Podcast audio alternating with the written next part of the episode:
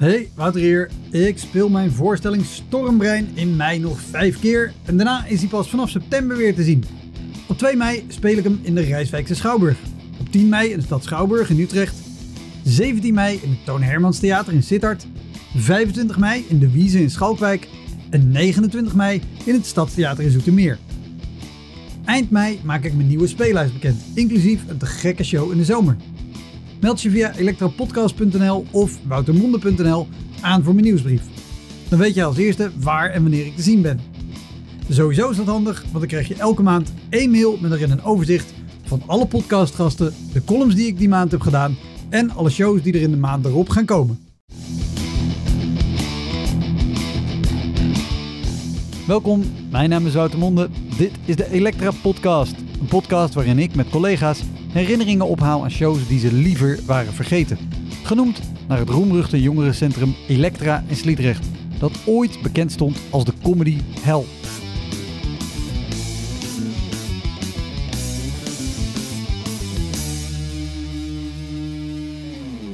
Mijn gast deze keer is Roué Verveer. Een comedian die al twee decennia zalen vult en regelmatig ook te zien is op tv. En toen zei iemand, het valt eigenlijk mee als mee met de ambulance en zo. Jullie kunnen gewoon door. Dit is tot nu toe een van mijn favoriete afleveringen, terwijl hij niet eens de meest rampzalige ervaringen heeft. Integendeel, Roué is zo positief ingesteld dat in het begin van het gesprek ik bang was dat hij geen enkele show als negatief had ervaren. Niet getreurd, er komen genoeg bijzondere verhalen voorbij. Maar Roué's instelling is erg optimistisch en dat werkt aanstekelijk. Het heeft mijn blik op dingen wel veranderd en misschien die van jou straks ook wel. Ik hoop dat deze aflevering je net zoveel positiviteit geeft als dat ik ervan kreeg. Heel veel plezier met luisteren. Dit is de Elektra Podcast met Roué Verveer.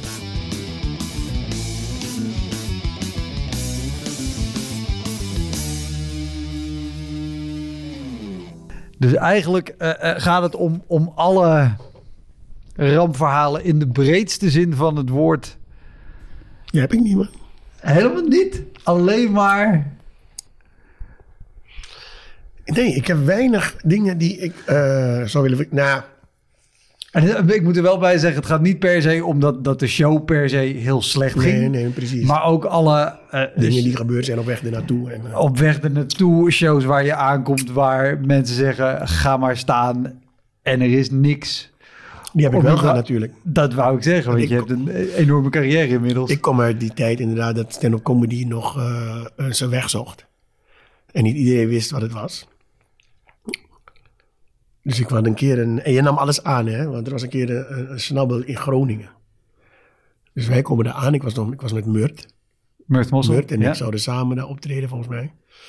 Niemand kent ons natuurlijk en zo. Maar ze wisten wel dat we stand-up comedians waren, weet je. In die tijd dat iemand je ooit had gezien bij Comedy Train en dacht... hé, hey, die is leuk. Laat hem komen naar Groningen uh, voor het bedrijf. En in het bedrijf kent niemand je. Ja, en, en dan hebben we het over begin jaren 2000, denk ik? Ja, zo? zoiets moet het zijn. Ja. 2001, 2002. Ze komen er aan en er was een podium met uh, een grote dansvloer. En daar achter die dansvloer zouden mensen zitten en staan. Dus wij zeggen, nou, wat als je nou stoelen voorzet zo en dan daarna weer weghaalt. Ja. En dan kunnen die mensen dansen. Wilden ze niet. Nee, je gaat zo staan. Dus wij zeggen, uh, nou, het is handiger, echt voor, voor jullie ook. Het gaat niet alleen om ons. Maar over de avond is het ook beter als de omstandigheden goed zijn. Ja, want je wil mensen gewoon dicht voor ja. je hebben en een beetje contact kunnen maken. Toen gingen we, zeiden ze, oké, okay, we hebben het gedaan. Uh, jullie kunnen komen. Dus wij komen zo uit de kleedkamer. En uh, ze hebben vier stoelen voorin gezet. Vier of zo. voor hoeveel mensen? Waren 150 of zoiets. En toen zeiden we van... Uh, nee, dat gaan we niet doen. Kun je nog een beetje... En toen werd ze een beetje... En toen zei ze... Ik zal het nooit meer vergeten. Ze zei, je gaat nu optreden. En toen wees ze zo naar het podium. Weet je, echt zo. Je gaat nu optreden. Of anders, weet ik veel. En toen ben ik weggelopen. Ik heb niet eens iets gezegd. ik ben weggelopen. In de auto gestapt. Met beurt. En was er weggereden. ja. Dus uh, dat is inderdaad, zal ik nooit meer vergeten, dat. Maar voor de rest heb ik weinig uh, gekkigheid meegemaakt hoor. Uh, maar wat, wat kreeg je daar dan nog terug van? Want dit ging via Comedy Train, comedy denk ik? Train, ja, volgens mij. Dan komt zo'n bedrijf daar ook nee, op ging niet kantoor via. Comedy Train. Het ging via Puree Management. Maar die was, die was mee gelukkig. Ah, oké. Peter was mee, dus die, die, die heeft dat zelf gezien. Dus ah, ja, Ja, ik kan niet veel... eh, ja, niks aan de hand eigenlijk aan die kant, want hij was erbij. Het was niet mijn verhaal tegen haar verhaal. Hij was erbij. ja. Want dat is iets wat, wat vaker al in deze podcast voorbij is gekomen. Dat natuurlijk mensen heel vaak bij comedy denken... het kan overal, Ja, want je hebt niks nodig. Ik moest een keer, ik, ik werd gevraagd om bij een, eh, een, een, een opening van een boekenwinkel. En dan midden in de zaak. Ik zeg maar, wat, heb je stoelen? Nee, mensen lopen gewoon rond en zo. En dan kan jij in die boekenzaak. Maar, maar, maar goed, sinds dit zijn de redenen, de dingen die ik heb meegemaakt, dat mijn management nu contractueel vastlegt. Zittend publiek, bar is dicht, dit aan het podium, dat Ja, zijn die dingen die we hebben meegemaakt. Eh, die rare shit. ja. En dus nu ook als je ergens aankomt en het is toch niet geregeld... Dan mag ik weglopen en dan moet je betalen. Ja. In principe toch, want het is contractueel. Maar dat gebeurt niet meer. Mensen weten nu, weet je, mensen kijken toch anders naar mij. merk ik. Ja. Nou ja, dat, dat kan ik me inderdaad wel voorstellen. Zeker twintig jaar geleden Mhm. dat mensen je niet kenden. En stand-up comedy überhaupt. Ook niet. Ehm, nee. Was echt, was echt eh, achteraf denk ik nu, het was eigenlijk nog niet eens aan de hand. Je had comedy train wel. En je had comedy café. Maar landelijk echt was comedy nog niet echt eh, bekend bij de mensen. Hoor. nee. Want, want in welk jaar ben jij begonnen met spelen? Ik ben officieel in 2000 begonnen. Maar in 1991 had ik al een beetje in Suriname eh, gestaan. Twee keer. Ah, oké. Toen ben ik naar Nederland gekomen en toen heb ik ehm uh, comedy train leren kennen. En toen ben ik daar eh, geweest. Ja. Toen ben ik, naar comedy. ik heb geen auditie gedaan, hè. Ik ben volgens mij een van de weinigen die geen auditie heeft gedaan. Maar om, omdat het niet nodig was of omdat er toen überhaupt nog geen Nee, audities nee, er waren audities. Er waren audities. Ehm, eh, ik kwam daar en toen zeiden ze, wil je een keer eh, meespelen op advies van Erik van Sauers. Die had aan Raoul Heertje gezegd van, er is een jongen uit Suriname, ik heb hem daar ontmoet. Hij woont nu hier. Hij moet echt hier iets gaan doen. En toen zei Raoul, ja, maar ik wist het zelf ook niet. Ik dacht, ja, right, ik heb twee keer opgetreden. en toen zei hij, laat hij dan eh, vrijdag of zo, gelijk hè, gelijk op een eh, betaalde avond Oké. gelijk betaalde avond, mocht ik vijf minuten. En toen eh, zei hij, eh, als je wil kun je vaker komen. En toen zei ik, nee, nee, nee. En toch ging ik wel. en toen speelde ik al een half jaar, werd ingeroosterd al alles. En toen zeiden ze, je moet dan en dan aanwezig zijn, want er zijn audities. En dan moeten wij gaan kijken wie... eh, Ik zei, audities? maar moet ik dan? Nee, jij, zit bij ons. En dan kijk je of je... Zo ben ik aangenomen. Je had zelf nog niet eens door dat je al lid was. Nee, ik ben nooit aangenomen. Ik ben nooit. Eigenlijk ben ik geen lid. nee, ik heb nooit auditie hoeven doen. En dat was namelijk een soort eer toen ik eenmaal zag. Toen ik de audities eenmaal zag, dacht ik ook: oké, ik kan echt wat. Ja. Want ik dacht eerst, weet je, je speelt even mee gezellig. En toen eh, ik die audities zag, dacht ik: oh, ik kan dit waarschijnlijk dus. Ik kan mensen echt entertainen op die manier. Want ik zag die audities, ik zag mensen doodgaan. Ik denk: oh, dat is met mij nog nooit gebeurd. En ik heb geen opleiding, ik heb niks, ik ben gewoon gaan staan. Dus eh, Maar, en, maar, maar was het dan ook... Kom, let hoe ik dit formuleer. Vanaf het begin af aan dat het altijd goed ging en altijd lukte om een zaal mee te krijgen? het klinkt gek, maar ja, ik weet niet wat het is. Maar ik, ik kan waarschijnlijk jou laten lachen altijd. Ja. Nu beheers ik het. Maar ik weet van mezelf, als ik nu terugdenk, ik kon altijd mensen laten lachen. Ook op de basisschool, op de MULO-school, op de VWO. Eh, ik was de gast die altijd... In Suriname zegt iedereen ook, die, die met mij is opgegroeid, zegt... Ja, maar ja, die jongen kon niet helpen. Dat, eh, het enige wat ontbrak was een podium onder zijn voet. Ja. Dat zeggen ze, maar ik was, niet daar, ik was daar niet mee bezig. Ik wist niet dat het kon. In Suriname, bijvoorbeeld. Pas toen ik hier kwam, hoorde ik eens een comedyclub. Oh, oké. Ja, Amerikanen, die kende ik wel. Maar in Nederland, wist ik, terwijl ik hier had gestudeerd. En nog no- in vier jaar, nooit een... Toen het bestond al. Nooit geweest, nooit geweten dat het bestond. Nee, maar toen was het natuurlijk ook nog veel kleiner dan dat het nu... Ja, ik, heb nog, ik had toen ook nog nooit een cabaretprogramma bezocht. Ik, in vier jaar, hè. Maar mijn leven was anders. Hè. Ik was een student, een Surinaamse student. Dus ik bemoeide echt alleen met andere Surinaamse studenten. En onze Ja. interesses lagen waarschijnlijk ergens anders. Maar hoe komen we er dan... Wat, wat voor optredens had je? Want je zei, je had in Suriname twee keer opgetreden. Nee, ehm, ik woonde daar na mijn studie. Ja. Na mijn studie woonde ik daar. En toen eh, woonde ik al drie jaar daar. En toen lag ik las ik in de krant, er komen stand-up comedians uit Nederland voor shows. Dus ik heb gelijk een kaartje gekocht. Leuk, avondje uit. En dat bleken dus Erik van Sauers, Najib Amali, Howard Kompro en Murt Mossel te zijn. En toen heb ik de show gekeken. En na de show ben ik naar ze toe gelopen om te zeggen... hey, leuke show man, ik heb genoten. Zoals mensen nu ook bij mij doen. Ja. Maar ze stonden een beetje zo. Ik zei, wat ga je nu doen? Ja, weet ik, misschien naar het hotel, misschien. Wat is er te doen? Ik zei, nou, stap in mijn auto, we gaan stappen. Dat was zaterdagavond. Dus toen ben ik met ze gaan stappen. Zo is het gegaan. En eh, gaandeweg, we zijn ook gaan eten bij een restaurant en zo. En dan vertelde ik over het land en alles en zo. Maar ik kan niks normaal vertellen, toch? Zonder een grapje. en toen zeiden ze van... Maar jij vertelt zo leuk en boeiend. En, en heb je ooit stand-up comedy op een podium? Nee, ben je gek? Zeiden ze, nou, wij, wij hebben overmorgen nog één show. En de bedoeling is dat mensen een soort open podium. Wil je meedoen? Ik zei, flikker op. Ik ga niet meedoen. Al die mensen die dan maar gaan kijken en zo. En toen heb ik toch meegedaan. Vijf minuten heb ik iets verteld, ik weet niet meer wat. En mensen moesten lachen. Toen al. Maar mijn stijl is ook echt hoe ik ben. Veel mensen zeggen het ook. Ja. Jij bent zoals ik je ken daar. Dus ik heb iets ontwikkeld voor mezelf. Zo van, oké, hoe heb ik altijd mensen laten lachen? Gewoon alsof ik op een feestje ben en iets vertel. Ja. En dat doe ik nog steeds. Ik heb geen opleiding en dat soort dingen. En eh, ik ga op, echt waar, mijn show, ik weet niet of je het hebt gezien. Ik ga het podium op en ik doe alsof ik op een feestje ben en ik heb het hoogste woord. Dat is eigenlijk mijn show. Ja. En het mooiste compliment is als mensen zeggen, dat krijg ik vaak te horen.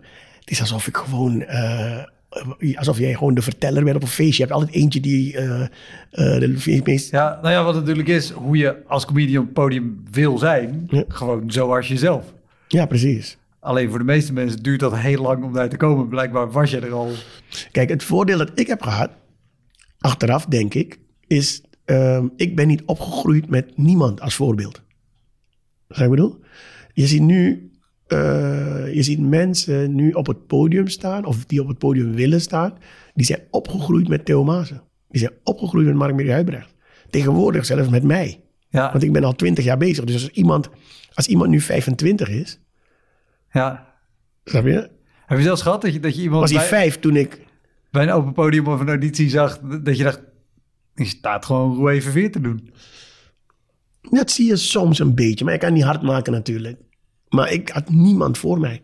Nogmaals, ik kom uit Suriname. Hij zei, doe even mee. Vijf minuten.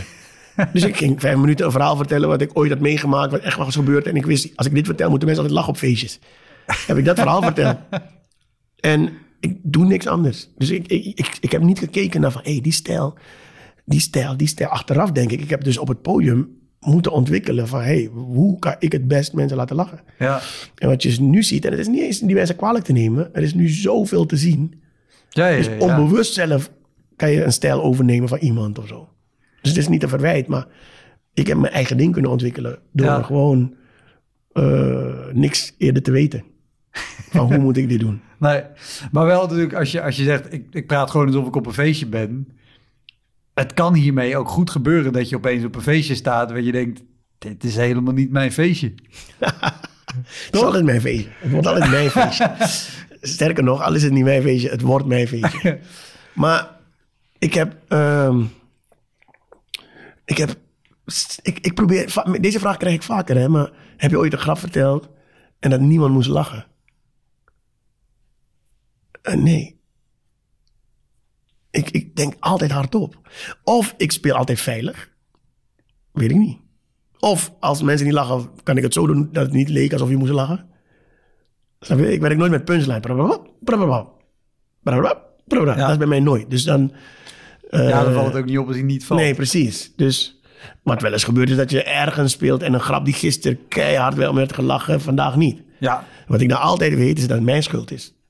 Het is nooit de schuld van het publiek. Ik, je zal mij zelden horen zeggen, "Hmm, het publiek was minder. Nee, het ligt altijd aan mij. ja, Als iets niet goed gaat, ligt het aan mij, nooit aan het publiek. En de comedians die het publiek de schuld geven, zeg ik ook altijd niet doen. Niet doen. Die mensen hebben een kaartje betaald om te komen lachen. Ja. Er heeft niemand een kaartje betaald om zuur te komen zitten. Dus het is jouw schuld. En dat kan niet. Het kan een verspreking zijn, het kan een... Maar het is wel jouw schuld. Ja. Altijd. Al heb je uiteraard, er zitten ook af en toe zalen tussen waar het gewoon een stuk lastiger is. Tuurlijk, maar het blijft avond. mijn publiek. Hè. Die mensen hebben... Kijk, vanavond Ja. hier. IJsselstein. Is uitverkocht, al heel lang geleden. Ja, Als het vanavond niet goed gaat, kan ik nooit zeggen... nee, Ja, je hebt altijd zo'n zaal die... Nee, in mijn fase van mijn carrière Ja. komen mensen nu echt voor mij. Die hebben zes maanden geleden een kaart gekocht. Dan kan je nooit meer zeggen, het ligt aan het publiek. En, en hoe, hoe was dat dan in het begin van je carrière? Ja, dat dat kan. mensen jou niet kenden en gewoon dachten, oh, we gaan naar Ja, een of een jongen. optreden met de train of een jongen die we in ons abonnement erbij hebben. Ja, precies. Zo ging het. Want ik heb namelijk geen... eh, ik heb nooit meegedaan aan Leids cabaret. Nooit meegedaan aan kameretten.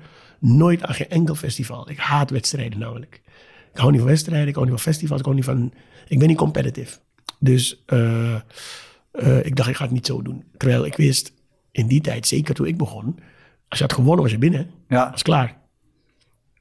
Nu valt het mee. Nu als je wint, hoeft niet speciaal. Maar toen was het echt big thing. Winnaar Leidt, die had een, in de Telegraaf of in alle kranten een binnenpagina. Beide pagina's vol. En foto's en Ja. interviews. Ja.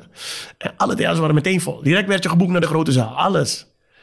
En ik heb gezegd, ik doe niet mee. Ik ga bij nul beginnen. Kijken of ik het überhaupt leuk vind. Maar dat wil zeggen, ik kwam in het eerste seizoen... allemaal kleine zalen, 15 kaarten verkocht. 12 kaarten, 20 kaarten. Alle shows gespeeld, alsof het volle zalen waren. Je kon aan mij niet merken of er 12 mensen zaten... of als er 100 zaten. Sterker nog, als er 100 zaten, dacht ik... oké, wat is hier gebeurd? 100 voor mij? Want niemand... Ik had geen lijst gedaan, niks. Dus je kon nergens aan... Dit waren echt mensen die zeiden... Nou, pakket. Je werd in een pakket gegooid, toch? Ja. Vijf comedians voor eh, weinig. En dan kwamen ze. Alleen ik had een idee. Ik dacht, oké, als dat het is, dan moet ik die twaalf mensen, die, die moet ik overtuigen. Want die twaalf mensen gaan morgen weer naar het werk. En dan vragen mensen, wat heb je gedaan gisteren? Dan zeggen ze, nou, ik was weer een grappige jongen, Raoul Vermeer. of Raoul van de Meer. maar hij heeft me zo laat, je moet echt een keer weer gaan als hij terug is of zo. Ja. Zo wist ik. Ik maak ambassadeurs. Van iedereen die hier zit, maak ik een ambassadeur van mij. En die gaan het verder vertellen. Het evangelie van verveer. En zo heb ik het gedaan. Dus van mij was het niet geplaveid. En, Nee. Dus ik heb inderdaad veel meegemaakt. En je neemt een hele lange route. en ook- die mensen kenden me ook niet. En jij kan wel zeggen, ik maak iedereen ambassadeur. Maar er zitten ook mensen tussen die denken, ja, Nee, precies. Die zullen vast zijn ik ga geweest. voor jou geen ambassadeur. Zullen vast zijn geweest. Dus van de twaalf zijn er tien. Maar omdat ik ook op een bepaalde manier opkwam, wisten ze van, iets is hier bijzonder. Directeuren zeiden altijd tegen mij. Die directeuren zeiden van, ja, ik herken die ook niet, maar er is iets, er is iets, er is iets. Je komt het podium op, er gebeurt meteen iets. Ja, En dat is wat mensen moeten hebben. Mensen willen dat weer. En als je ook nog kan laten lachen om kleine gekke dingen. Want al gauw had iedereen door. Ik ben niet politiek geëngageerd. Voor mij hoeft dat allemaal niet. Ik wil jou gewoon laten lachen om dingen die, eh, die je zelf... Die ik, ik zeg altijd, ik kom je vertellen... Ik kom je lastigvallen met dingen die ik weer in mijn leven meemaak. En wat ik weer van dingen vind. En wat ik... Maar nooit politiek. Het heeft met mijn vrouw te maken, het heeft met mijn buurvrouw te maken, het heeft met eh, mannenproblemen, vrouwenproblemen. Wel iets wat ik uit het nieuws pak, maar niet speciaal politiek. Of als het politiek is, heeft het meer met mij te maken dan dat ik er Ja. iets van vind als. Snap je? Dus ik hou het luchtig. En eh, gek genoeg komen heel veel mensen naar me toe die zeggen altijd: Weet je wat ik zo leuk van jou? Dat jij niks doet met politiek en zo. Lekker lachen. We worden al de hele dag lastiggevallen in het nieuws, met die telefoontjes, allemaal ellende. Ja. Bij jou kunnen we even. Nou, Oké, daar ben ik daarvoor. Ik schaam me ook nooit. Hè? Dat, eh, ik zie ook veel collega's, jonge collega's, die bijna geforceerd willen politiek. Want dan word je serieus genomen. ja. Nou, dat moet je vooral doen. Nou ja, ik, ik vind wel eh, grappig als je het hebt over festivals. Waar natuurlijk vaak, eh, als je daar aan zou komen met een programma zoals jij ze maakt, dat ze zeggen ja. Het is een beetje navelstaarderij en het gaat nergens over. En hier zitten we niet te Voor de makkelijke lach. Die vind ik altijd een goeie, hè? Ja, Hij gaat voor de makkelijke lach. Weet je hoe moeilijk dat is? Weet je hoe makkelijk het is om te klagen over iets? En drama. Dan hoef je niemand te laten lachen, toch? Je kan gewoon vertellen van... ik vind het erg wat in India gebeurt. Je kan... Dan krijg je applaus. Ga een grap maken. Om applaus te krijgen. Weet je hoe goed die grap moet zijn? ja, Makkelijke grap. Dat vind ik altijd lachen. Dat vind ik echt lachen. Maar goed, ik zeg altijd... iedereen moet er zijn. Want als er iemand is die engagement... Nou, dan moet hij naar de ander. ja. Weer een avondje gewoon keihard tranen eh, lachen bij mij, dan moet je bij mij komen. Je jou gaan, ja. Of, of, of, of wie nog meer. Maar ik vind het leuk dat je juist die verschillende eh, eh, types hebt. Maar denk je ook dat, dat die, die hoe zou ik het zeggen?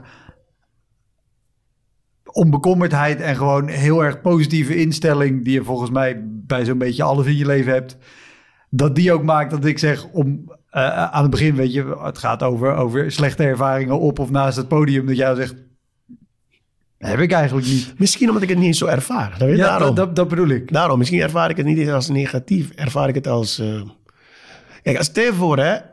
Ik vertel iets en niemand lacht. Dan zeg ik, oh, jullie lachen niet. Ik zeg, ga er allemaal in. Ik zeg, wow, wat, wat heb ik verkeerd gezegd? Soms weet ik het. Soms zeg ik, hé, hey, luister. Ik weet wat is gebeurd. ik heb dit en dit en dit. Want als ik dat had, jullie wel gelachen. Let, ik ga het opnieuw doen, hè. Bam, bam, bam, bam, bam. Oké, toch niet lachen. Maar dat, oké. Nee, dan, je, je moet er wat mee. Je kan niet. Ja, Ik ben een entertainer, hè. Ik ben geen een cabaretier. nee. Ik ben een... Als iemand me vraagt, wat doe je? Zeg ik, comedy. Ik entertain. En ik wil ook niet iets anders zijn. Dus niemand kan mij wijsmaken. Ook geen, wat je zegt, recensenten. Of niemand gaat over mij schrijven wat hij denkt dat ik had moeten doen. Dan moet je het zelf doen. Ja, Ik heb gekozen om dit te doen. Het publiek weet van mij, dit ga ik zien. ja. En daarom komen ze. En voor de rest, prima joh.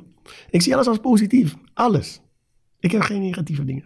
Maar, eh, en, en, maar hoe ga je dan om met... eh, Dat zal nu niet zijn in theaters waar gewoon alles technisch goed geregeld is. Maar je noemt als een voorbeeld van een discotheek waar geen stoelen staan. Je hebt ook veel in in Suriname volgens mij opgetreden inmiddels. En ook op eh Curaçao. Curaçao, Daar zijn de dingen goed geregeld. Omdat vaak heb je het zelf in de hand. Suriname bijvoorbeeld heb ik zelf in de hand. Ja, Ik weet, daar is de Schouwburg, die moet ik hebben.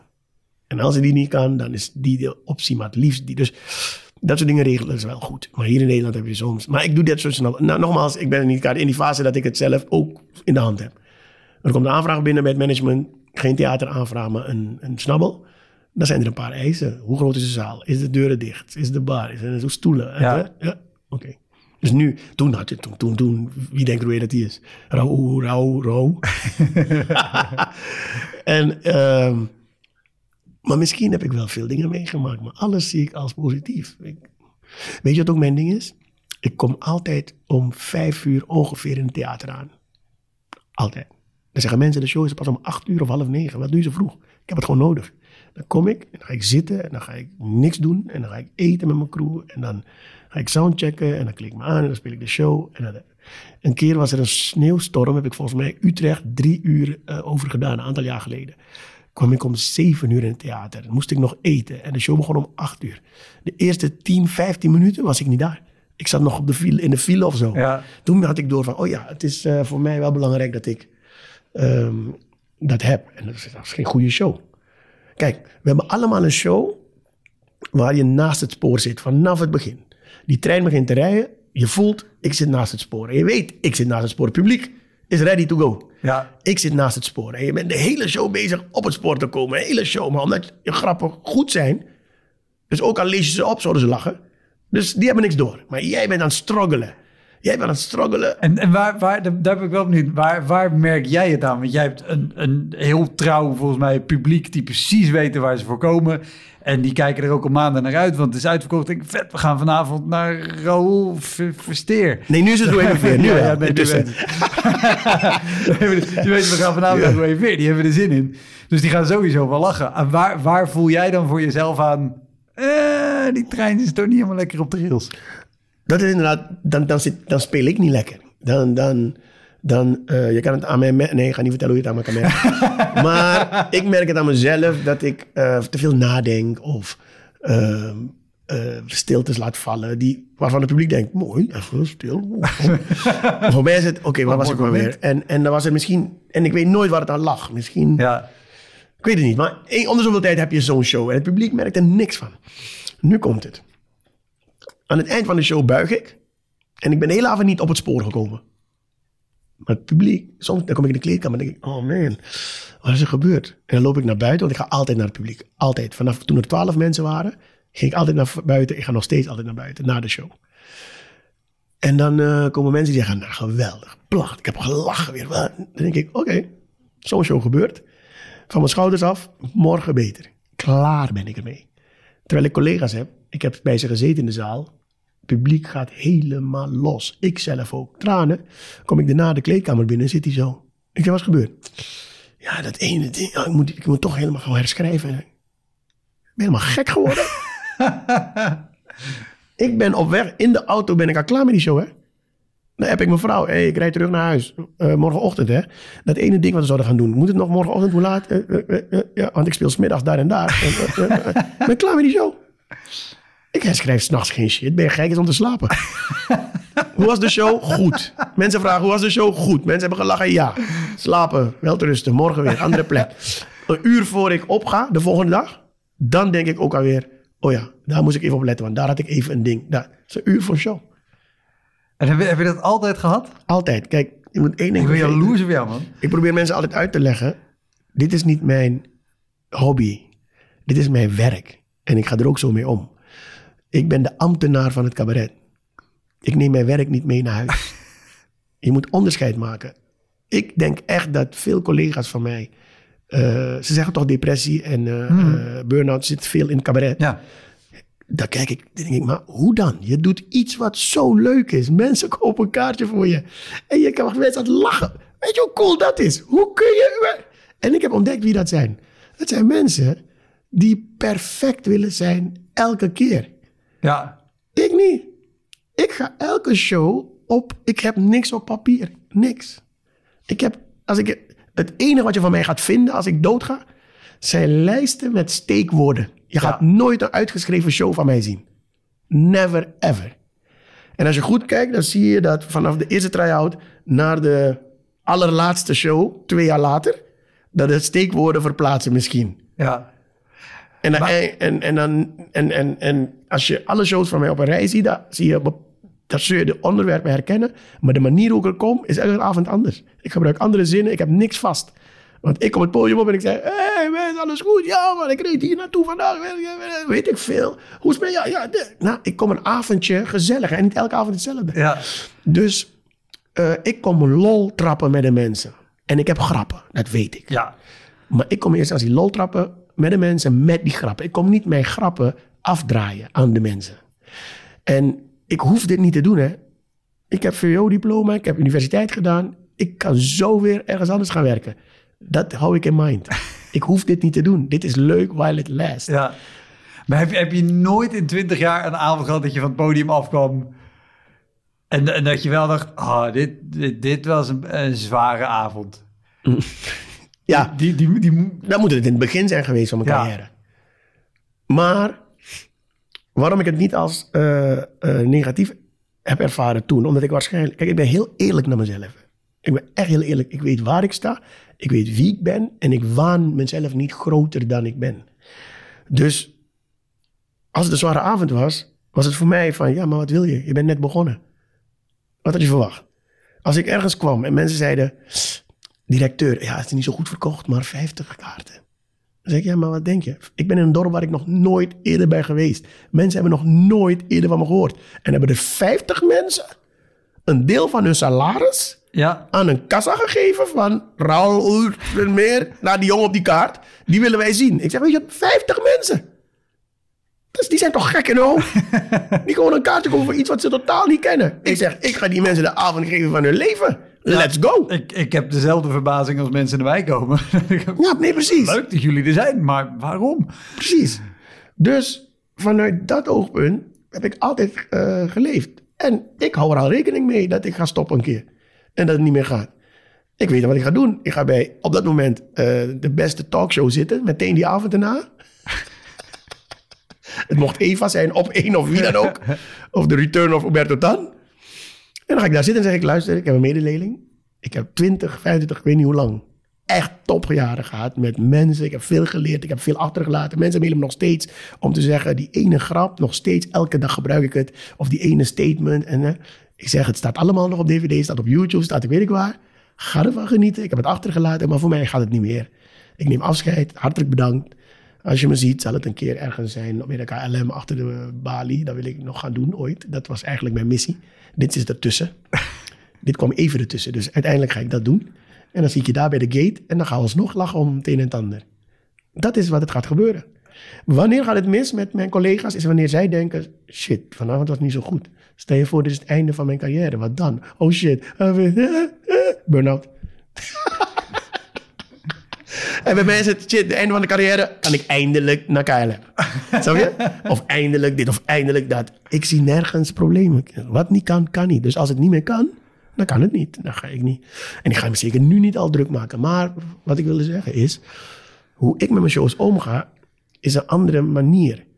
Ik moet gewoon elke keer mensen laten lachen. Ik hoef niet beter te worden. Veel mensen leggen zichzelf die druk op. Deze show was goed, die volgende moet beter. Maar je bent al aan je negende show. Hoe goed we. Ik heb mensen, Wouter, en daar zijn beelden van, die zijn opgenomen waar mensen huilen van het lachen. Heb ik allemaal al gehad.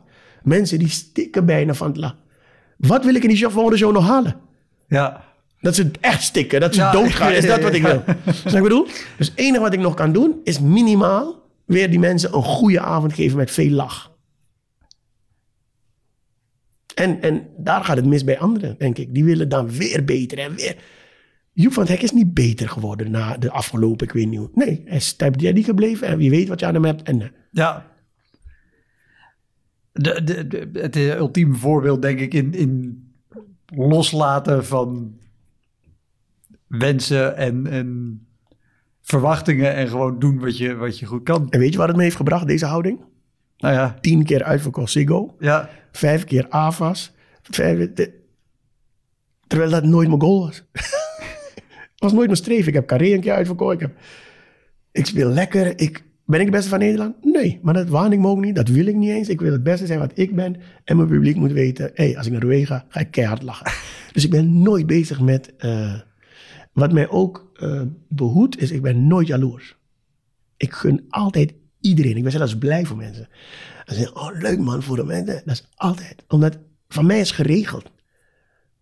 Mijn leven is geregeld. Als dit niet meer gaat, weet ik al wat ik ga doen. Ja. Er is een backup. Uh, ik geniet. Ik heb vrouw, ik heb twee kinderen, en ik heb een huis. Heb... Is, de, is dat denk je omdat je eigenlijk dit per ongeluk bent gaan doen? Misschien. Misschien is de manier om mijn leven te gaan maken dat ik zo ben nu. Uh, dat ik het feit dat ik in Suriname ben opgegroeid heeft mee te maken. Het feit dat ik, hoe ik in Suriname ben opgegroeid. Uh, de manier hoe ik naar Nederland ben gekomen. Ik ben, ik ben eigenlijk economische vluchteling. Als asielzoekers het doen, zeggen we ja, die economische vluchtelingen. eigenlijk ben ik het ook. Het ging niet zo goed in Suriname, economisch. En toen dacht ik, nou, dan ga ik naar Nederland, dan gaat het beter. Ja. Nu gaat het al heel lang goed met mij. Dus eigenlijk, mijn doel is al lang bereikt. dus al dit is extra. En zo ga ik ermee om ook. Is extra. En dan belt er ineens iemand die zegt, wil je Ziggo doen? Ik? Echt waar, ik heb, ik heb mensen moeten inpraten. Hè? Ik, Ziggo, moet je niemand anders zeggen. Wat doe ik?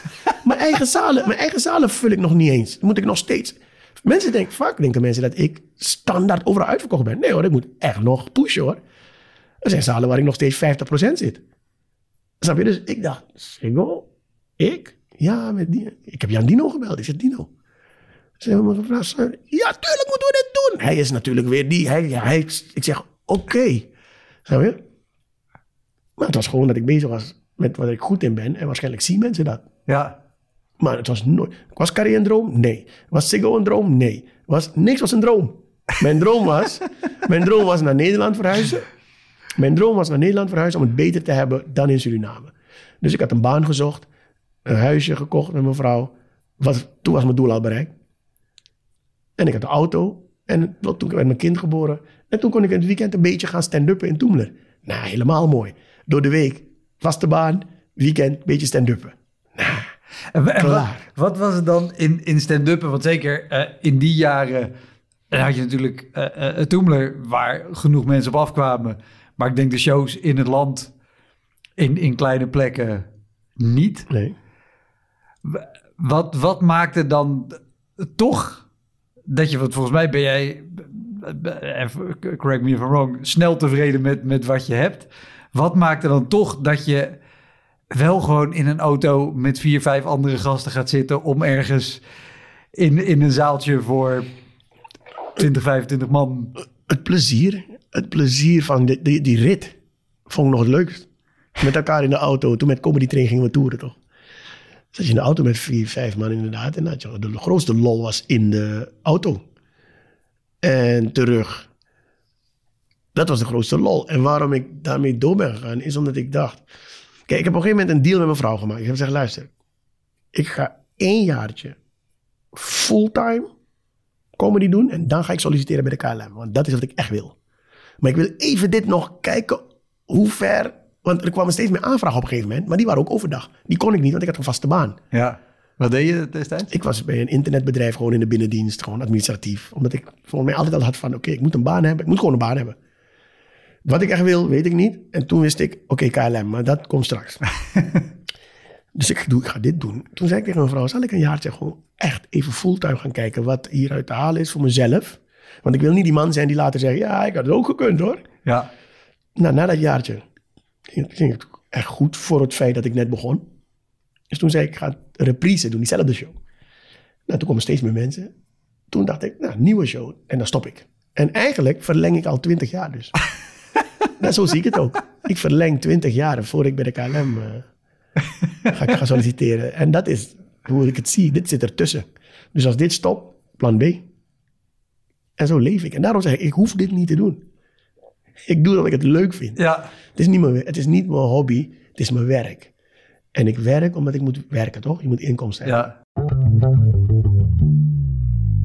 Hey, Wouter hier. Ik speel mijn voorstelling Stormbrein in mei nog vijf keer. En daarna is hij pas vanaf september weer te zien. Op 2 mei speel ik hem in de Rijswijkse Schouwburg. Op 10 mei in de stad Schouwburg in Utrecht. 17 mei in het Toon Hermans Theater in Sittard. 25 mei in de Wiese in Schalkwijk.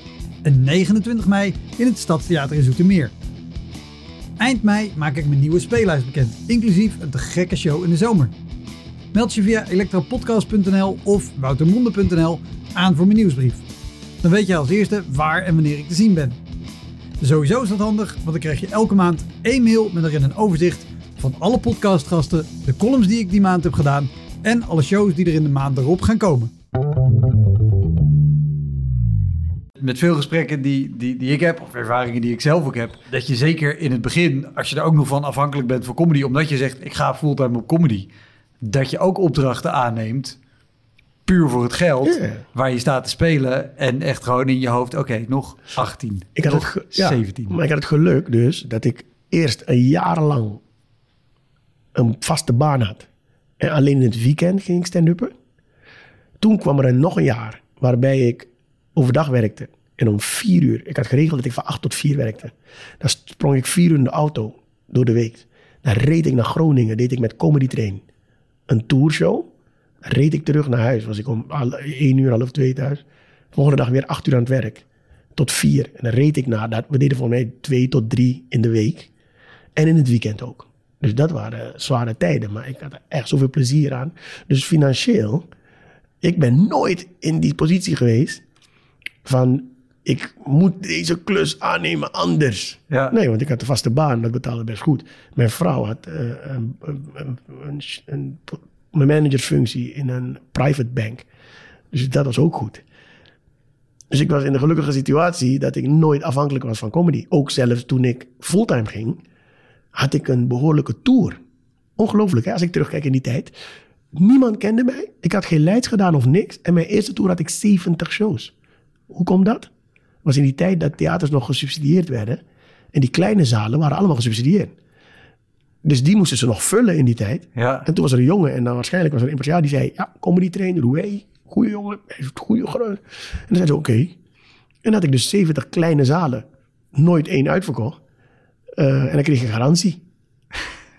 Snap je? Maar ze zagen wel iets in mij, want het volgend jaar mocht ik terugkomen. Ja, ja dus je, je, je kan er 70 krijgen. en Als je dat in één tour niet waar maakt, Nee, dan doe je dat één tour en dat that's Nee, daarna ging het eigenlijk alleen maar op. Dus eh, met dat plezier dat ik altijd heb gehad, zonder die enige druk die ik mezelf heb gegeven, ehm, is het voor mij altijd voorvarend gegaan. Ik heb nooit. eh, ben, ben, je dan, ben je dan niet bang dat er een keer juist...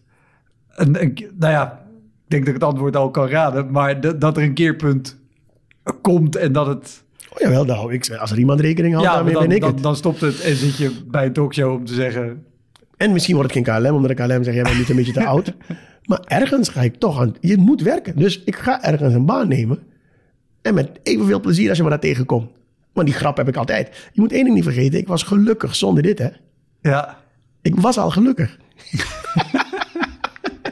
ik was al gelukkig zonder Ik, dit. ik voel me aan schuldig dat ik bij jou aankom met... Vertel eens over je slechte ervaring. Deze man is gewoon heel blij. Slechte ervaring. Ik heb bijna geen slechte ervaring. Ook in mijn leven niet. Maar dat heeft te maken met hoe ik er naar kijk. Eh, als mijn manager belt en zegt... hey, wat, een- wat een klootzakken man. Ze hebben jou niet gekozen voor eh, eh, dit. Ze hebben iemand anders gekozen. En dan, zegt, nou moet je kijken wie. Ik vind jou echt beter. Dan zeg ik rustig. Dat was het niet voor mij. Ik ga gewoon verder. Kun je er wat aan doen? Nee toch? Nou, dan gaan we verder. Maakt niet uit wie ze hebben gekozen. Er komt vast wel iets hoor. En mijn leven is altijd zo geweest dat... Als er uiteindelijk iets kwam, was het veel leuker dan wat eerst was geweigerd of wat. Ja. En voel ik het zo of is het echt zo? I don't know. Maar Maakt I don't care. uit. Nee, Ja. snap je? Dus, ehm, nee, mij is, nee, dat kan mij niet. Wat comedy betreft, ik heb de grootste lol. En ik eh, laat mensen lachen. Daar ben ik echt blij om. Waarschijnlijk doe ik het goed, want die mensen blijven komen. Maar het is mijn werk. Mijn hobby is met mijn vrouw en mijn kinderen en mijn vrienden gezellige dingen doen. Dat is mijn hobby. Dit is mijn werk. Ja. En als je dus zo naar blijft kijken, kom je veel verder dan als je dit je hobby maakt. Want dat is het gevaar namelijk. Als dit je hobby... Van je hobby je werk maken vind ik een verkeerde eh, uitdrukking. Iedereen gebruikt het als... Ja, ik heb van mijn hobby... Oh, wat een geluk heb jij. Nee, je bent je hobby kwijt. Ja. Ineens moet je nu voor je werk dat ding gaan doen wat je altijd deed... als je tijd voor had en zin. Nu moet je het elke dag doen. Dus dat moet je niet doen. Je moet werk werk houden en hobby hobby. Dus dit is mijn werk Ja. is werk wat ik leuk vind. Is werk wat ik goed kan waarschijnlijk. Is werk waar ik... Waar ik hè? Maar het blijft mijn werk. Dus eh, alle vakantie, alle schoolvakanties zijn bij mij met rood geblokkeerd. Dat wordt niet gewerkt. Eh, met kerst neem ik twee weken vrij. Met Pasen ook. En kerstperiode begint ook al eerder volgens mij. Mijn kerstperiode. Ik Ah, wil jaarkerst, ah, maar ik bedoel... eh, Als ik op Insta alle, ja, alle kerstverlichtingen... is nu toch al? Straks maart, man. Ja, precies. We kunnen weer. Maar ik... eh, nee, slechte ervaring. En ik probeer veel collega's ook zo... Als ik met ze praat, probeer ik ze deel uit te leggen. Maar la- laat ik het dan... Dan, dan is- slechte ervaring misschien verkeerd, eh, ver- verkeerde manier om het te benaderen. Want je, je hebt ongetwijfeld, dat kan haast niet anders, omstandigheden gehad waar je een hele creatieve oplossing moest verzinnen om, er, om men- mensen wel gewoon de plezier, het plezier te geven wat je ze wil geven. Omdat er technisch iets, gewoon microfoons die niet, niet werken, eh, bedrijfsoptreden. Je zit me aan te kijken, gast, ik weet niet waar je het over hebt. Noem het geluk. Ik heb nooit dat soort rampen gehad. Wel van die aankondigingen, dat is weer in het begin. Hè. Dan staat er een directeur en dan heb je die klus aangenomen omdat je niet beter weet. En niet eens voor het geld, maar je weet gewoon niet beter. Ja, En we, hadden niet zoveel eisen toen. Dus het was inderdaad zo'n bedrijfsfeest. Een band, eerst, eerst een band. En dan jij. Dat moet je nooit doen. nee. Eerst een band en ze hebben al gedronken, gegeten. En dan gaan ze naar de danszaal. Dan een band en dan jij. Dus hoor je een directeur die zegt, ik sta in de coulissen. En hij zegt, eh roe, roe. Oh, ik dacht, oké, dat gaat nu al mis. en hij komt op en hij zegt, nou, eh, het is een goed jaar geweest. Ik wil jullie allemaal eh, feliciteren met dit. Daarom heb ik ook op de reisfeest. En, dit en. En hij zegt... en hij zegt, daarom gaan jullie nu genieten van Raoul. En hij kijkt naar de coulissen en zegt, Ra- Raoul. Hij zegt, Roué. En hij komt, Roué. Hij komt terug, hij zegt, Roué, verweer. En hij loopt weg, de andere kant op. Oh, dat was de aankondiging. dus ik kom op. Mensen kennen me. Kijk, nu is het anders. Ja, Mensen beginnen. Nou, en dan kom ik toch, ergens haal ik het toch. Mij kun je niet. Dan kom ik op en zeg ik, nou, dat is dus dat is wel goed, we gaan het leuk maken. Ja, goed Ja. Ik weet niet. Iets, ik weet niet. Ik, Nee, precies, maar ik, ik denk sowieso, iedereen probeert, daar kan je twee keuzes maken, denk ik, als comedian. Je kan of boos worden dat zo'n man je naam verkeerd heeft ja, precies. en de sfeer al gewoon tegen je keren. Of je kan zeggen, ja, oké, Ja. en er wat leuks van maken. Of je kan denken, ik heet inderdaad Roué, maar het is een moeilijke naam. Ik kan me voorstellen. En die man is geen MC, hij is een directeur. Die doet maar Ja. zijn best. Klaar. Zo die, zie ik het. Ja. In plaats van, waarom... eh, eh. Nee, ik denk altijd in, eh, hoe gaan we het wel doen dan? Ja, ja precies. Nee, Het, het, het zijn ook juist dat soort verhalen wa- wa- waar, deze podcast om Ja, draait. eh, En wat ik wel benieuwd ben, eh, bijvoorbeeld René van Meurs eh, was ook de gast. En die vertelde een verhaal. Eh, die had op een gegeven moment een, een, een bedrijf. Nou, dan beslist er één iemand bij het bedrijf. Nou, nu kom jij, denk ik, denk dat jij geen bedrijfsnabbels meer doet. Jawel, grote, Ja. grote. Nou, eigenlijk niet eens. Als een bedrijf zegt, we willen Roe Veer en de omstandigheden zijn goed. Kijk, ik geniet echt hiervan, hè. Ja, Dus zo'n tour vind ik geweldig. Nu doe ik ook Ramadan Conference, Caribbean Combo. Want ik vind collabs ook heel leuk. ja, En af en toe zo'n bedrijfsnabbel vind ik ook heel leuk. Het is allemaal de balans. ja. Alleen toeren, dan een avond weer met z'n vieren... en dan een keer Ja. weer zo'n snabbel in een bedrijf. Dat is voor mij een soort... Net als een, een profvoetballer die teruggaat om het pleintje nog even te voetballen of zo. Ja, ja, ja, ja. Ik vind dit allemaal leuk. Ja. Wat ik wilde zeggen Mhm. namelijk... eh, was dat René die vertelde... daar kwam dus eh, eh, op een gegeven moment... een bedrijf met 50 dronken laminaatleggers naar zijn show. Eh, ehm, dan is er één iemand of twee iemanden in zo'n bedrijf... die denken, dat is leuk, Ja, ja, wij precies, gaan daarheen. Ja. En er zit een hele bak mensen bij... die denken, wij hebben hier geen zin in. Heb je, heb je dat soort dingen wel eens meegemaakt? Ja, ook. Maar was vroeger, oh ja, vroeger had je dingen, hè. Ehm, ja, ja, ja, hoe heet het? CKV. Ja, eh, kunstzinnige, Ja, culturele, die heb ik. culturele Ik weet niet of het nog bestaat. Ja. maar zeker bij mij waren altijd kaarten. ja, Ik weet nog, de Jeep was altijd stijf van tevoren uitverkocht. Dus als zo'n klas zei, we willen een paar CKV'ers laten komen, was er geen plek. Ja, want dan gaan we we school hebben met, met, middelbare schoolleerlingen Ja. naar een voorstelling. Maar we hebben wel een die heeft kaarten, die is ook leuk. Ja, En die heeft veel kaarten nog over. dus je kan al je CKV'ers brengen. Dan zat je soms met een klas van 20, eh, 16, 15, 16-jarigen. Als je geluk had. ja, anders was het 11, 12, 12, 13, ah, 13 14 denk ik. Ehm, en die gingen dan, weet je, met elkaar kletsen en alles en zo. En dan moet je, de, dan moet je ze zo stopleggen. Dan moet je eh, iets doen. Ik heb één keer, één keer heb ik iemand eh, eruit gestuurd. Die was aan het bellen. Die was aan het bellen en die heb ik eruit gestuurd. Toen was de klas helemaal. Ik heb één opgeofferd. oh ja, luister. Ik moest optreden in Volendam. Je hebt het over ervaringen. Ik moest met mijn eigen show optreden in Volendam. Ook een beetje aan het begin van mijn carrière. Een van mijn eerste shows.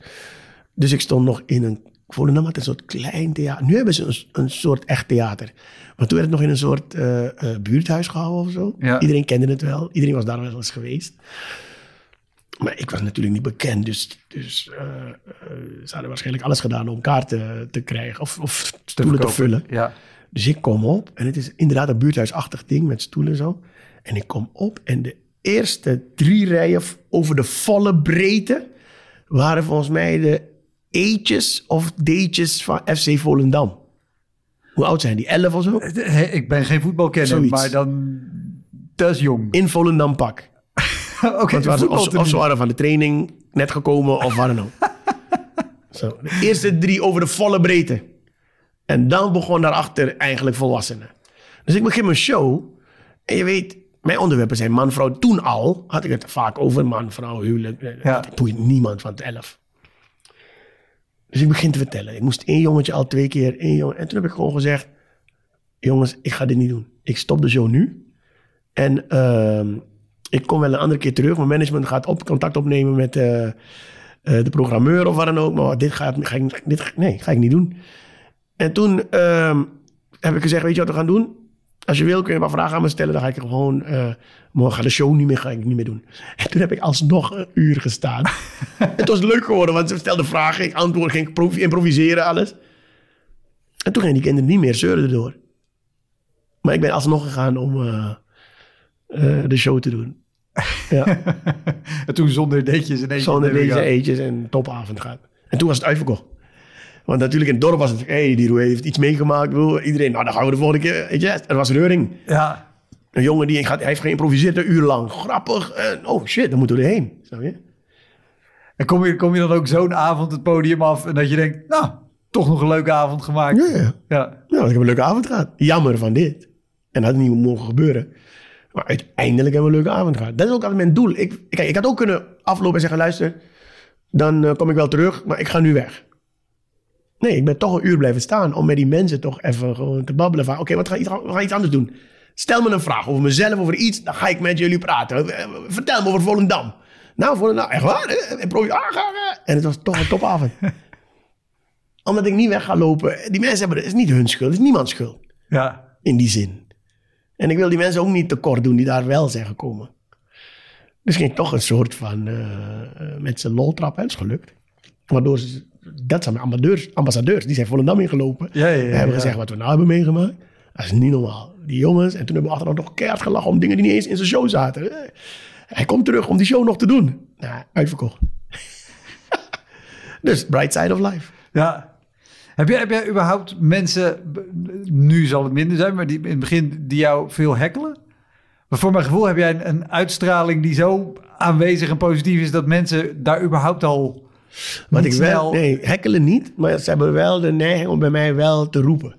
Maar dat is wat ik doe. Is weer dat feestje ding. Ja, Ik creëer een sfeer waarbij je echt denkt, ik zit op een feestje en ik kan elk moment... Hè, als er iemand op een feestje is en die heeft het hoogste woord, dan roept er ook iemand van, hé, hey, maar ja, je hebt wel ge- gewoon... nog Dat is bij mij, als ik een vraag stel, krijg ik altijd, niemand is bang bij mij. Omdat ik dat waarschijnlijk uitstraal zo van, hoe, mensen praten gelijk met mij omdat ik al opkom en zeg, hey, goedenavond, hey, zo snel. Ik ben gewoon terug, man. Ja, het ziet er goed uit, hoor. Eh, Hoe werk je? Ja, goed, man. Heb je, heb je gewerkt? Ja, gegeten. Ik heb, ah. Is al dat ding van, eh, Ja. eh, we zijn bij elkaar hier, gezellig. Ik heb dat zelf niet doorgehad tot mensen dat tegen me zeiden. Zo van, ja, bij jou heb ik het gevoel dat ik gewoon, ook als je een vraag stelt, ik geef gewoon antwoord, omdat je gewoon een gesprek voert. En ja, ik weet, niet, ik weet ook niet hoe het werkt. nee. Eh, Heeft het publiek je wel eens, nee, niet, niet zozeer dan gehackeld, maar, maar wel eh, eh, verbaasd met dingen die, ze- die ze riepen of vroegen? Nee. Ik, ik heb ooit een show gehad waar iemand uit het niks kuikenseksen riep. En je denkt, ah, in welke wereld zit jij? Ja, wat heb ik geluk gehad in mijn carrière. nee, ik heb een keer na de show, een, een, eh, was mijn allereerste show in Leeuwarden. Was ook in die tijd dat eh, het hele Vaatstra-ding speelde, een beetje zo. Toch? Met die asielzoekers. Ja, t- 2000, 2003, 2004 denk ik zoiets. toen al. Oh ja. Omdat Ja. die vader van dat meisje verdacht een Ja. asielzoeker. Dus Ja, alles was, asielzoeker was slecht. En, en toen had ik in Leeuwarden gespeeld. En toen eh, kwam na de show een vrouw naar me toe. Die grap heb ik ook verteld in mijn shows heel lang. En die zei van, nou, ik vond je leuk.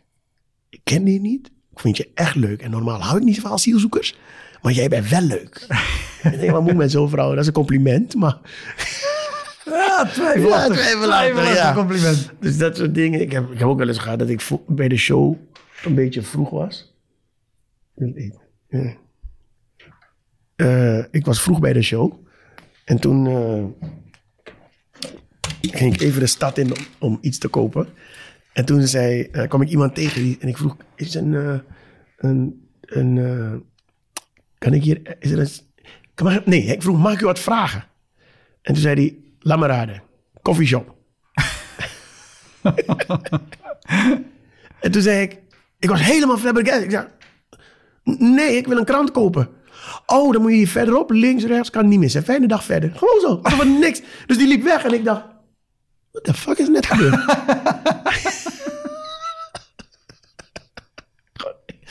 Hij liet me ook staan zo. Ik heb er even Ik weet niet hoe lang ik heb gestaan. Zo van, wat is net gebeurd? Ja. Ging zo ook zo snel. En eh, eh, voor de rest heb ik niet zoveel gekke. Ik heb een keer in eh, Hengelo kreeg iemand... In Hengelo heeft iemand een, een epileptische aanval gekregen tijdens de show.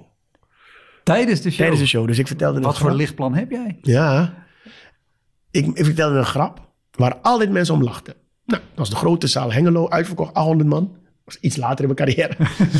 en ik vertel een grap en iedereen lacht. En die, ik weet ook, die lach ebt op een gegeven moment weg. Ja. Maar er bleef ergens wat rumoer. Dus ik denk, zo goed als die grap. Is heel goed uh, bezig. en toen riep iemand ineens... iemand pikt het wel heel goed op. En toen riep iemand ineens, licht aan, dus licht aan. Ik denk, wat is er aan de hand? Dus licht aan, alles. Blik even de aanval. Ambulance gebeld, heeft een half uur, iedereen moest uit de zaal. Ja. Iedereen moest uit de zaal, 800 man. En toen kwam de ambulance. En die is dan afgevoerd. En een half uur later zei het publiek, ja, we kunnen gewoon door. Dus ik zat op de kruk. En mensen kwamen binnen, gelopen zo. En keken eigenlijk naar me van, "En hoe ga jij dit verder oppikken? Hè, hoe, zo keken ze al naar mij. Exact, dat was, was mijn volgende vraag. Hoe heb je dat... Dus, eh, maar het is een grap over vrouwen. Ik heb vaak een grap over vrouwen. Ja. En eh, eh, die, die mensen gaan weer zitten, gaan weer zitten. Ik zit zo op het podium te kijken hoe ze goed ze kijken me aan. Zo van, nou. En ze gaan zitten. Het licht gaat uit. Spot on. Ik kijk ze aan en ik zeg: Oké. En laat me één ding. du- En dat was een vrouw waar het mee was gebeurd. Ik zeg: Vrouwen, laat me één ding duidelijk maken.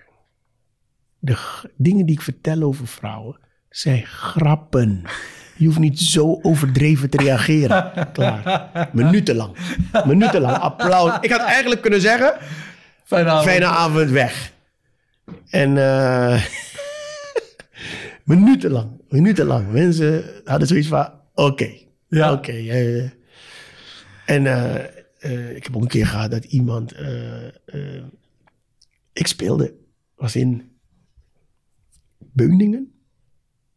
Allemaal plekken waar ik niet meer kon. Ja. Dat is ook zo'n klein theatertje. Eigenlijk meer ook een buurthuis. Meerdere dingen kunnen er. Tiel volgens mij in de buurt ergens. Beuzigem heb je ook nog. Beuningen. Nee, maar dit was Beuningen. volgens mij. Ja. Anyway, Misschien Beuningen. niet eens dat. Berlicum. Zo. Een plaatje. Een plaatje. Een. Ja, ik zit daar. Ik ben aan het spelen. Het gaat goed. Lachen, lachen, lachen. En ineens hoor ik toeng, maar echt. Het geluid. Toeng, met een beetje hol. Toeng. Met een beetje klank. Toeng. En licht weer aan. Is een man gevallen van zijn stoel. Met zijn hoofd op het beton. Want het was zo'n zo'n buurthuis met meerdere functies. Ja. Dus gewoon stoelen gezet. Ja, kan ook, ja, als ja. stoelen weg zijn, is het ook een danszaal.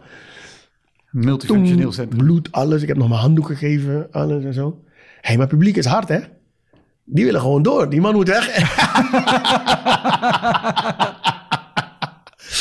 en hij gaat naar buiten, weer ambulance bij.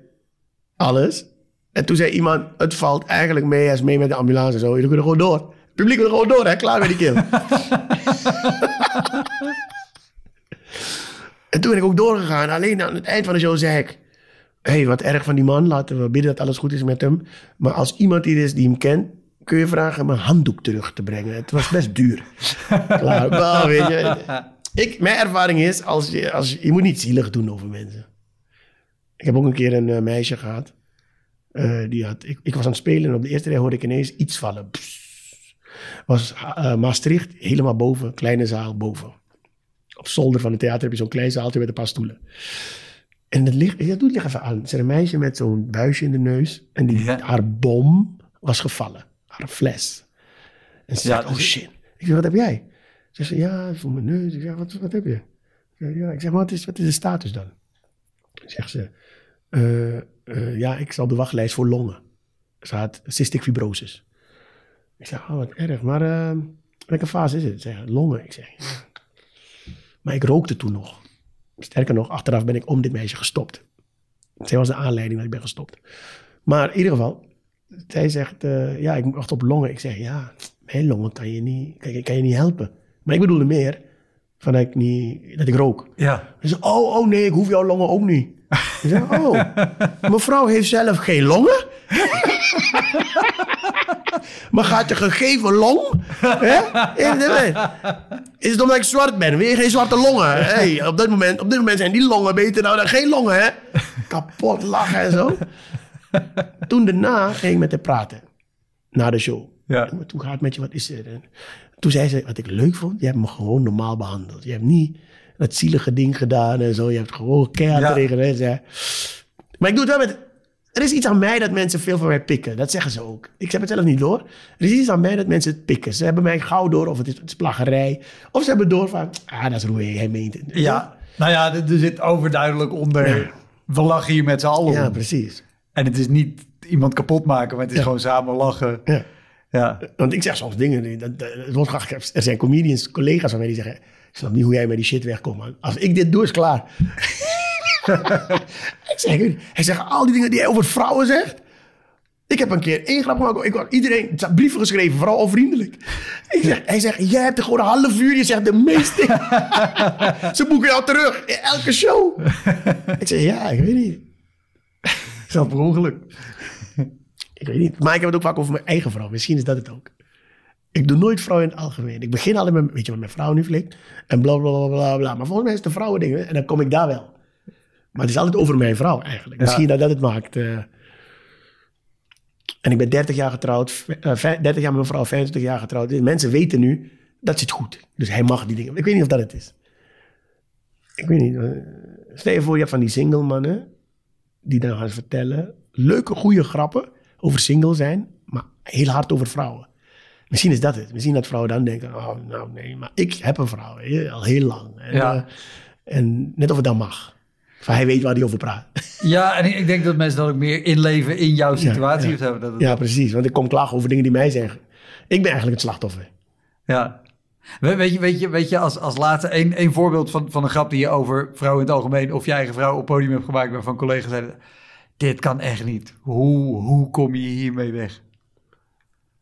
Voor, voor mij niet een specifieke grap, maar... Of misschien in zo'n situatie over iemand uit het publiek dat je iets hebt gezegd dat je denkt, eh, het is fijn dat ik deze uitstraling heb. Nee, weet je wat het was? Ik heb een eh, show gehad waar ik dus vertel. Ik zeg, luister, in vorige shows hebben jullie geklaagd dat ik jullie dit en dat. Ik zeg, oké, deze show ben ik aan jullie kant. Ik ben aan jullie kant en ik ga jullie een tip geven om jullie huwelijk te redden. Ik ga iets vertellen over mannen die je zelf niet wist. Mannen, sorry, ik geef dan een geheim weg. En dan ging ik vertellen, van, jouw man wil altijd een jongere vrouw. Altijd. Ook die ene die naast jou zit, hij wil een jongere vrouw. Ik zeg maar, hij wil geen andere vrouw. Hij wil jou in een jongere versie. Dus jij moet ervoor zorgen. Als je hoort of een man is weggegaan met een, andere- een jongere vrouw, is het jouw schuld. Altijd. Je hebt hem niet gehouden. Want hij hield van jou.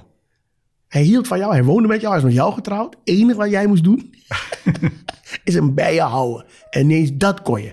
Je hebt een of andere jongere chick hem laten afpakken. Hij wil jou, maar hij wil een jongere versie. Dus jij moet er alles aan doen om die jongere versie. Denk niet na zoveel jaar, ik doe die vliestrui aan en die bergschoenen en dat is goed zo. En dan ging dit allemaal zo afkappen, hoe ze eruit zien allemaal. Ik zeg, als je gaat slapen, doe je weer die jurk aan. Nee, je moet dit. En dan ging ik vertellen hoe je moet slapen en alles. Ik zeg, je kan niet zo gaan lopen met wat je ook aan hebt. En, eh, en vrouwen vonden dat, eh, oude vrouwen vonden dat, oude, vonden het confronterend. En die, maar toch kom ik ermee weg. Dat was eentje waar iemand zei, als ik dit, ik kan echt niet.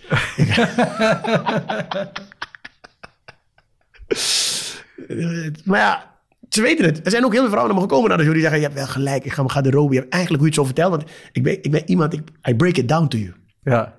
Zodanig dat je, ook al ben je het met me eens, denk je aan het eind, oké, ik ben het niet eens, maar ik snap waar hij, hoe hij erover denkt. Ja. I break it down waar ik vandaan kom.